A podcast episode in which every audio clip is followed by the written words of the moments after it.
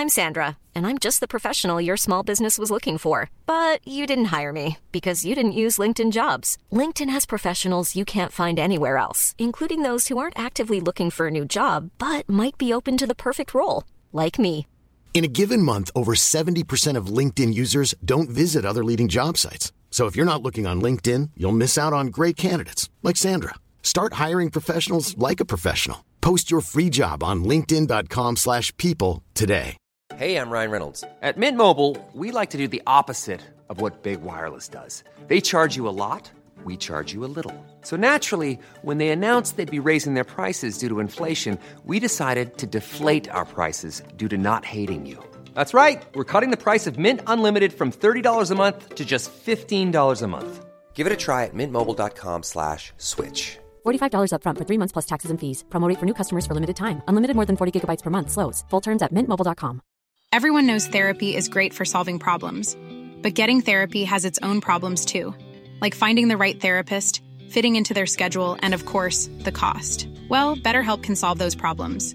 It's totally online and built around your schedule. It's surprisingly affordable too. Connect with a credentialed therapist by phone, video, or online chat, all from the comfort of your home. Visit betterhelp.com to learn more and save 10% on your first month. That's BetterHelp H E L P. Hej och välkomna till ytterligare ett nytt avsnitt av Bolagsanalyspodden. Jag vet, jag lovade er att gå igenom SBB. Det är på gång. Det är ett väldigt saftigt och mastigt bolag att sätta sig in i. Så däremellan så kommer nu Nischer Properties. Det är ett betydligt enklare fastighetsbolag att analysera. De släppte rapport den 28 februari. Och eh, som sagt, jag tänkte jag klämmer in den emellan här. Det värderas ungefär till 120 miljoner på marknaden. Och har storägare som Sterner Stenhus. Som äger Stenhus Fastigheter som är noterat. Stenhus Fastigheter i sin tur ägs eh, till 15% av eh, Balder med Erik Selin. Nische Properties har även en storägare i form av 10% av eh, Provobis med Rolf Lundström i spetsen. Han som var storägare i Svolder och Scandic Hotel. Och sen så har du en stor post ägs också av tidigare vd och grundare. De sysslade med för några år sedan med projektutveckling. En väldigt liten version av eh, Beska och JM. För att nu det sista så vill de utveckla sina projekt och behålla i egen regi. Och eh, bli ett, bli ett fastighetsbolag med återkommande hyresintäkter samtidigt som de har lite projektfastigheter vid sidan om det. Så vi kör igång med Nischer Properties.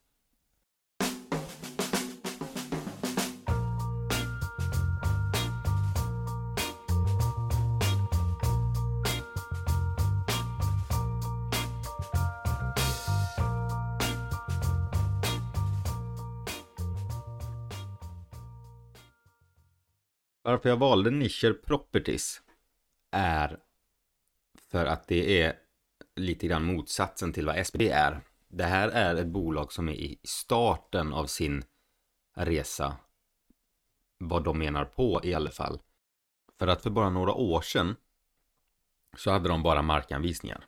De hade det på ungefär 1500 byggrätter. Det var upptaget till noll i balansräkningen mer eller mindre och börsvärdet var 27, 28, 29 miljoner. De fick in en ny vd, Robert Wangstad, och en ny CFO, mm, Petterström tror jag han hette. Och de gjorde om det här att man kan redovisa nu i IFRS. Vilket innebar att du började med en markanvisning, men börjar du få in en detaljplan på den, då är den värd pengar helt plötsligt. Så det blev en mer sanningsenlig bild av verkligheten. I samband med det här började även kursen röra sig uppåt och kulminerade ju då för ungefär ett och ett halvt år sedan när Sterner eh, Stenhus köpte in sig. Kom in med ungefär över 100 miljoner i cash och köpte 40% av bolaget. Efter det så har de tillsatt en ny vd och från nu i, de har legat lågt under våren om jag har förstått det rätt, väntat ut marknaden lite grann och nu satt fart under hösten. Då har de gjort två förvärv, varav ett de nu drog tillbaka. Eller om det var säljaren som drog tillbaka, jag har inte fått klarhet i det.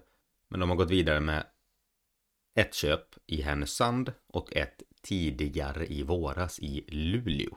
Om vi snabbt ska gå in på deras bestånd de har idag så består det av en fastighet de köpte i Luleå i våras där ungefär. Den köpte de för 30 miljoner cirka kontant. Så de har inte tagit upp några lån på den än. Sen så har de byggt och färdigställt en i Östersund. De har lite finputs kvar på, den är uppdelad i fyra stycken fastigheter. Så de har inflyttat in nummer ett, nummer två, nummer tre och fyra kommer nu under våren. Sen kommer den gå för 100% den också. Det de har för lån på den, det är byggkreditiv. Det är alltså från det som ska finansiera att du sätter spaden i jorden tills dess att huset är klart och du kan ta ett riktigt fastighetslån till lite lägre räntor. Så att på det har de byggkreditiv på. Och sen så har de även då förvärvat det här beståndet i Härnösand. Det var lite större. Det kom med 13 stycken förvaltningsfastigheter till ett värde av 55 miljoner kronor. De kommer betala det lite kontant från deras kassa. Men de kommer också betala det i nyemitterade aktier i nischer. Och det var det här som fick mig att bli lite intresserad här för att de emitterar de här aktierna för 7 kronor. Och kursen vid båda de här köpetillfällena var ungefär 3,5 krona. Så det var nästan dubbla kursen de nya ägarna ansåg var ett attraktivt värde. Den ena affären föll ju, återigen, men även den första i Härnösand ingick till 7 kronor. Så att de emitterar nya aktier och ger dem för 7 kronor och lite cash. Så att hela köpeskillingen då går upp till 55 miljoner kronor. Nu när de har gjort sin nedskrivning lite grann så är ju frågan om de kan använda 7 kronor som riktkurs när de gör vidare förvärv. Förhoppningsvis kan de ju det. Men rimligtvis så borde den här multipeln då kanske gå ner lite grann. Så det är de tre fastigheterna de har idag. Det är inte mer än så. Sen har de byggrätter. Byggrätterna uppgår till ungefär 1300 bostäder. Och sen så har de 350 bostäder i produktion. Och då är det bland annat då Östersund. Sen kommer de även dra igång ett projekt nu i Örnsköldsvik. Ett stort projekt alltså. Det är nog en liten Um, det kommer ge bolaget en helt annan tyngd om de lyckas med det där. Nu har de lagt den lite grann på is på grund av att inflationen har gått upp och priserna är högre så de har pausat det här lite grann. Men det är också i produktion om jag har förstått det rätt fast det är i tidig början. Sen äger de också en liten procent av eh, M3. Det är en husbyggnadsfabrik. Alltså de bygger färdiga moduler mer eller mindre. Det här köpte de för några år sedan för en miljon. Jag tror de tog 20% av bolaget. Vilket innebär att de kommer ju kunna, vad säger jag? De kommer ju kunna beställa från sin egen fabrik. De kommer få förtur på leveranserna och du kommer kunna få förhoppningsvis bästa möjliga pris. Så att redan i det här steget när de har ett så pass lågt börsvärde så har de en stor byggrättsportfölj. De har en liten husfabrik som de har goda kontakter med. Den ligger i Lettland. De har nu också då börjat förvalta och köpa och äga egna hyresfastigheter. Planen framåt, eller det målet de har, det är att de vill ha tusen bostäder i förvaltning inom tre år. Och i Östersund, som heter Gimle, det fast, den fastigheten, där har de då 114 bostäder. Och där de planerar att bygga i Örnsköldsvik, där har de 226 bostäder planerade. Lägg där då till deras förvärv så kommer du upp ganska... Det här målet känns inte helt omöjligt att de ska kunna slå. Så det är lite kort om vad de gör. Jag tycker som sagt ägarbilden är väldigt intressant i det här bolaget då det är så pass lite som det ändå är. Men det är också för att du har fått ganska mycket värde för lite pengar. Nu är det lite mer eh, om det är lika billigt längre i och med att nu handlas många fastigheter, eh, fastighetsbolag med rabatt. Så att nu är det väl kanske inte samma no-brainer, men så nu när vi har lite koll på vilka som äger bolaget deras plan framåt och vad de har att arbeta med så tänkte jag vi kan kika lite grann på de hårda siffrorna. Och det är att de i januari till december så omsatte de 7,48 miljoner kronor. Det är väldigt lite, men då ska man tillägga att de hade en fastighet mer eller mindre som de köpte då i våras. De prognostiserar nu att de snarare kommer, att de rullar det de beståndet de har idag, att det är rullande 20 miljoner på årsbasis. Lägg det då till eventuella nyförvärv och eh, byggstarter av andra fastigheter. Så att 7,48 det är i underkant, det är inte där de ligger nu. Resultatet efter skatt hamnade på 93 miljoner back. Det är ju på grund av nedskrivningarna. Jag hade även i Niobo nu sist. De lider av samma som nästan alla fastighetsbolag. Det känns som att alla fastighetsbolag har de har tagit Q4 och så skrivit ner väldigt mycket. De har tagit många kostnader så att 2023 blir förhoppningsvis ett rent år. Av de rapporterna jag läst så har nästan alla stora fastighetsbolag och små Eh, en kostnad. Då är ett kapital på 5 kronor och 65 öre. Och ett resultat på minus 2 kronor och 90 öre. Återigen så består mycket av det här av nedskrivningar. Så vi behöver egentligen gå ner på sammandraget resultaträkningen för att få lite mer klarhet av hur faktiskt, eh, hur ska man säga, hur businessen går. Som du hade nu i Q4 så hade du en nettoomsättning på 2,9 miljoner. Då innefattar det ju de här fastigheterna i Luleå och halva fastighetsbeståndet i Östersund. De två sista husen är ju under uppbyggnad och förvärvet i Härnösand vill jag minnas börjar gälla från första januari, så det är inte inräknat här. Då har du förvaltningsfastigheter bidrar med 1,5 miljon och övriga rörelsegment med 1,3 miljoner. Där är troligtvis deras eh, husfabrik. Sen har du lite produktions och driftkostnader på en halv miljon, så då har du ett bruttoresultat på 3,5 miljon. Så 3,5 miljon, det är vad fastigheten och deras fabrik i dagsläget bidrar in. Sen kommer det lite råvaror, övriga förnödenheter, lite övriga rörelsekostnader, men framförallt har du den centrala administrationen och den kostar 5 miljoner. Det är ju alla deras anställda etc. Så att då hamnar ditt rörelseresultat före värdeförändringar på minus 1,7 miljoner ungefär. Så det är snarare det, den summan man ska ha med sig. Likadant som jag pratade om eh, Neobo förra avsnittet så är det du kan ta med avskrivningarna och det ska man givetvis göra. Man kan inte se sig blind på det för det är ju hela grundaffären att ha mycket värde. Men både här och i Neobo så det finns ganska mycket dolda värden och det finns ganska mycket värde där. Så att även om det skrivs ner lite grann så finns det mer att ta av. Eh, jag hoppas ni förstår vad jag menar där men det som är mest intressant är ju att se vad själva rörelsen driver. Om den går runt eller inte. Och som i dagsläget så går den inte runt. Men jag har väldigt svårt att tro att den inte kommer gå runt när hela Östersund blir byggt och sedan även när de får sitt förvärv i Härnösand. När det kommer in. Då kommer rörelseresultatet troligtvis vara på plus. Sen får man ju då se med värdeförändringar, ytterligare förvärv etc. Hiring for your small business? If you're not looking for professionals on LinkedIn, you're looking in the wrong place. That's like looking for your car keys in a fish tank. LinkedIn helps you hire professionals you can't find anywhere else, even those who aren't actively searching for a new job but might be open to the perfect role. In a given month, over 70% of LinkedIn users don't even visit other leading job sites. So start looking in the right place. With LinkedIn, you can hire professionals like a professional. Post your free job on linkedin.com slash people today. Everyone knows therapy is great for solving problems, but getting therapy has its own problems too, like finding the right therapist, fitting into their schedule, and of course, the cost. Well, BetterHelp can solve those problems. It's totally online and built around your schedule. It's surprisingly affordable too. Connect with a credentialed therapist by phone, video, or online chat all from the comfort of your home. Visit betterhelp.com to learn more and save 10% on your first month. That's BetterHelp, H E L P.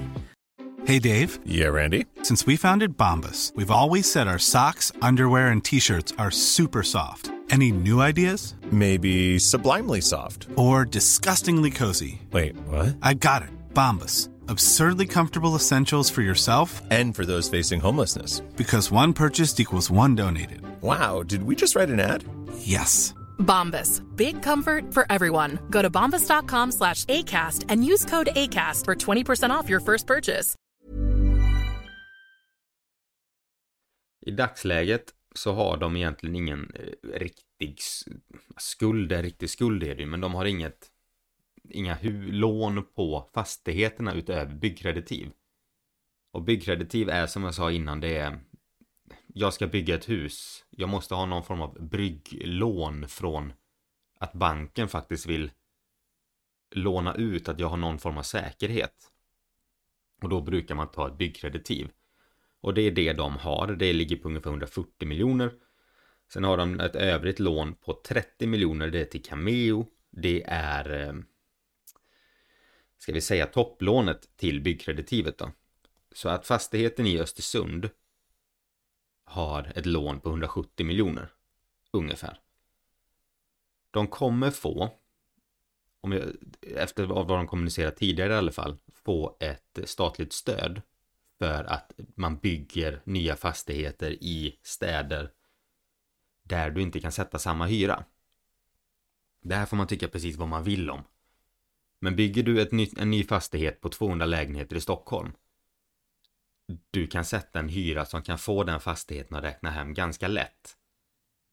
Bygger du en fastighet med 200 lägenheter för standarden måste vara precis densamma. Man kan inte bygga en lådbil i Sverige utan du måste hela tiden bygga en Ferrari, mer eller mindre. Det är väldigt hårda byggregler i Sverige. Det får man tycka också vad man vill om. Men bygger du en sån fastighet, låt oss då säga i Östersund eller i en mycket, eh, mycket mindre ort så kan du inte sätta samma hyresnivåer där. För att du har inte det utbudet av folk som vill flytta in. Så att du kan aldrig räkna hem det på samma sätt och då blir resultatet med marknadsekonomi det att man inte bygger på de här orterna. Och då bidrar det till urbaniseringen och du får inte en växande landsbygd. Så vad staten då gjort, vilket man måste ha koll på. Nu vet faktiskt inte jag, det här har gällt i Östersund gäller det. I de fram, vissa framtida orter så är inte det säkert klubbat att det här kommer komma tillbaka. Men i Östersund har de fått, vad jag vet, godkänt på. Vilket innebär att du får ungefär tillbaka 20% av byggnadskostnaden. Så har de byggt för 100 miljoner så får de tillbaka runt 20 miljoner vill jag minnas. Det här, kan, det här är olika, det beror på var de sätter hyresnivån så att det inte är så att det här är en viss så här mycket kommer de få, utan det, det beror på vissa saker. Så att de har sagt att det här lånet till Cameo på 30 miljoner, det kommer betalas av bidraget från staten kan man säga. Sen har de 140 miljoner byggkreditiv. Räntan på den vet jag inte, troligtvis hög. Denna kommer de ju då att lånefinansiera med ett banklån. Så att de belånar upp den. Sen kommer de även belåna fastigheterna i Luleå. Som är obelånade i dagsläget. Det är ju 30 miljoner där. De köpte den för cash. Och sedan så kommer de ju ta över lånen från fastigheterna de köpte i Härnösand. Men i dagsläget så har de egentligen bara byggkreditiv. Och sen så har de en kassa i dagsläget på 47 miljoner 500 000. Så att de har ganska bra med, med pengar. Det går liksom ingen nöd på dem i dagsläget. Och när de nya fastigheterna kommer in då kommer bolaget troligtvis, om de inte gör väldigt många felbeslut eller har väldigt höga kostnader, rulla på verksamhetsnivå plus. Och då sen handlar det mest bara om att sätta finan bra finansiering på sina fastigheter och sedan så, om jag har förstått det rätt, så kommer de fortsätta växa. Det är Niche Properties i siffror. Det är egentligen inte så himla, i och med att som sagt det är inte nystartat, de har hållit på några år, men det är väl först nu då sedan något år tillbaka, sen Sten Stenhus kom in, som de på riktigt vill växa till sig genom att ta tag i förvärven. Det har de också pratat om i några år, men det har inte hänt någonting. Om det beror på att de är riskaverta, om det har varit andra problem, det vet faktiskt inte jag, men det har tagit tid Sen smällde de in med två stora för nischer storlek förvärv i höstas, varav nu då ett blev av. Så min take på det här är väl egentligen det att det är ett litet fastighetsbolag som har runt 50 miljoner i kassan, 170 miljoner i lån. Detta är innan Härnösand skall tilläggas. Så det kommer givetvis ändra aktiestrukturen om man säger så. För att de köpte Akela Properties som äger 13 bostadsfastigheter i Härnösand. Och det var ett fastighetsvärde på 55 miljoner kronor. Det kommer vara lite grann i cash, men det kommer också vara i nytryckta aktier. Och för varje aktie då som den här personen får så tar man upp den till ett värde på 7 kronor. Jag för mig att det var 10 miljoner i kontantbetalning. Men för Nisches skull så blir ju det här ett så massivt förvärv. För att de har ju egentligen inga fastigheter som är up and running utan deras mest sitter ju i byggrätter som de har en väldigt stor position på. Och även då under byggande. För detta förvärvet har en uthyrningsbar yta om ungefär 5000 kvadratmeter. Och då är 4350 kvadratmeter bostäder.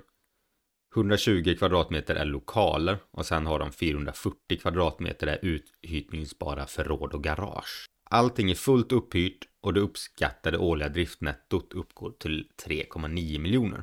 Med detta, de här fastigheterna så kommer det en skuld om ytterligare 27 miljoner kronor. Och de 27 miljoner kommer ju Nische ta över och refinansiera. Och förhoppningsvis, och det är därför jag tar upp, tog upp deras ägarbas väldigt tydligt i början. Har du de här ägarna i grunden så är chanserna stora att man i alla fall man får inte sämre bankkontakter om man säger så. Man har chans att faktiskt kunna göra, få ganska bra räntor för du har fina ägare i ledet. Tillträde skulle vara preliminärt 31 januari. Jag har faktiskt inte hört någonting om de har tillträtt, men det stod i rapporten att eh, med de här förvärven i Härnösand så är vi en god väg framåt. Jada, jada, jada. Så det verkar som att de har tagit över det, fast de bara inte har skickat ut ett PM till marknaden. Varför jag också gillar att de förvärvar, de är ganska Norrlandsexponerade, eller mot norra Sverige. Och det gillar jag på grund av att norra Sverige växer väldigt, väldigt, väldigt mycket på grund av jobben. Och eftersom grundaren och förra vdn David Aspehult kommer från Kiruna så är det väl där de har, de har fått en liten ton att det är där uppe de, de härjar, om man säger så.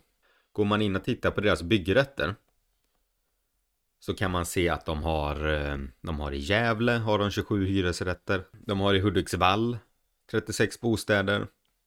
Haninge, Norra Folkparken 200-300 bostäder. Så att de har lite olika på både norr och eh, syd. De har i Kiruna, Fjälltopparna, 100 bostäder som de fick nu förra året. Och tidigare så har de sålt de här marknadsvisningarna ibland.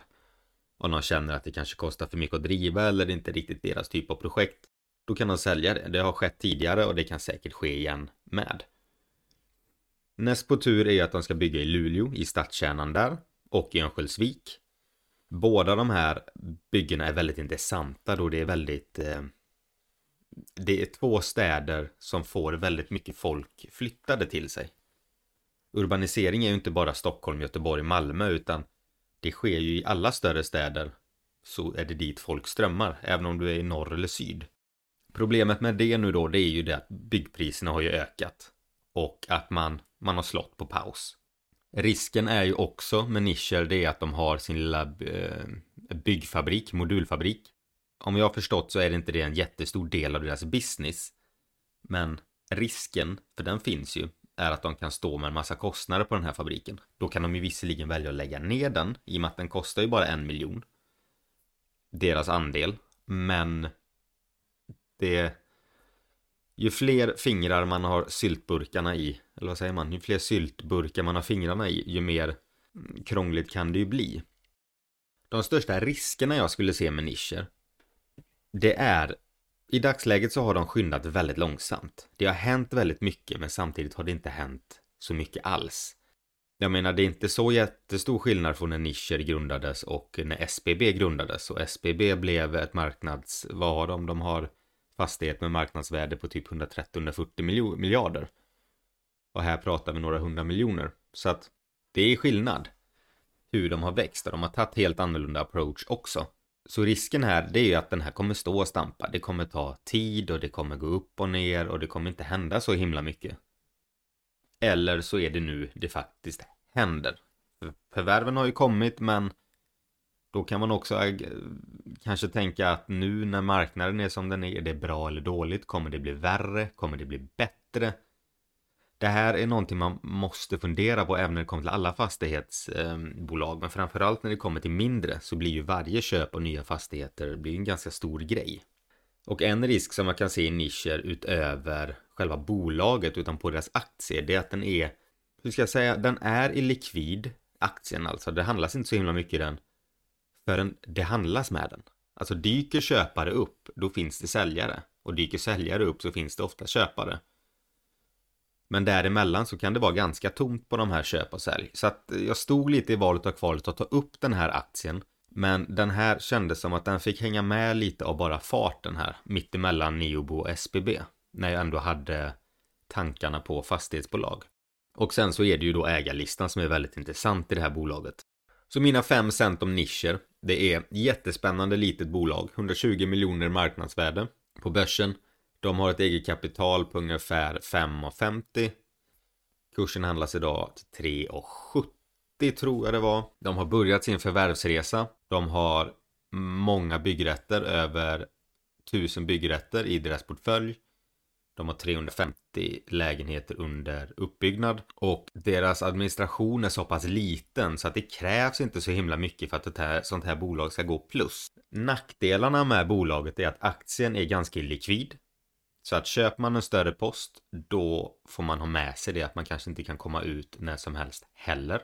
Det är att eh, de har fått pausa två byggen för att priserna har gått upp det gör många fastighetsbolag, absolut, men denna risken finns ju även för dem då givetvis. De har en risk med att de har en egen eh, modulfabrik ifall de kommer behöva stå med kostnader på den ifall den inte kan rulla och de måste skjuta till kapital. Du har de här starka huvudägarna och om en av dem lämnar så kan ju marknaden tolka det väldigt eh, negativt såklart. Men eh, rent generellt så tycker jag det är ett ganska litet intressant bolag och välkapitaliserade. Stark ägarbas. Fin projektportfölj. Och börjat förvärva. Så får vi se vad deras resa hamnar. Om den blir bra eller dålig, det vet jag inte. Men jag har väl svårt att se att gå in mer eller mindre skuldfria in i en sån här marknad. Då ser jag väl snarare att de ser mer möjligheter än risker kanske. Och eh, det ska man inte underskatta. Men som alltid när det kommer till små bolag, det, det kan hända mycket och det kan svänga väldigt fort. Och framför allt aktien är illikvid i den här. Och det ska man ha med sig. Detta var ett litet eh, avbrott i min analys av SBB. Så där när den här fick ni lite grann på köpet. Spännande litet bolag, absolut. Men nu får ni ha det superbra så länge så hörs vi nästa avsnitt. Hej! Mom deserves the best and there's no better place to shop for Mother's Day than Whole Foods Market. They're your destination for unbeatable savings, from premium gifts to show-stopping flowers and irresistible desserts. Start by saving 33% with Prime on all body care and candles. Then get a 15-stem bunch of tulips for just $9.99 each with Prime. Round out Mom's menu with festive rosé, irresistible berry chantilly cake, and more special treats. Come celebrate Mother's Day at Whole Foods Market.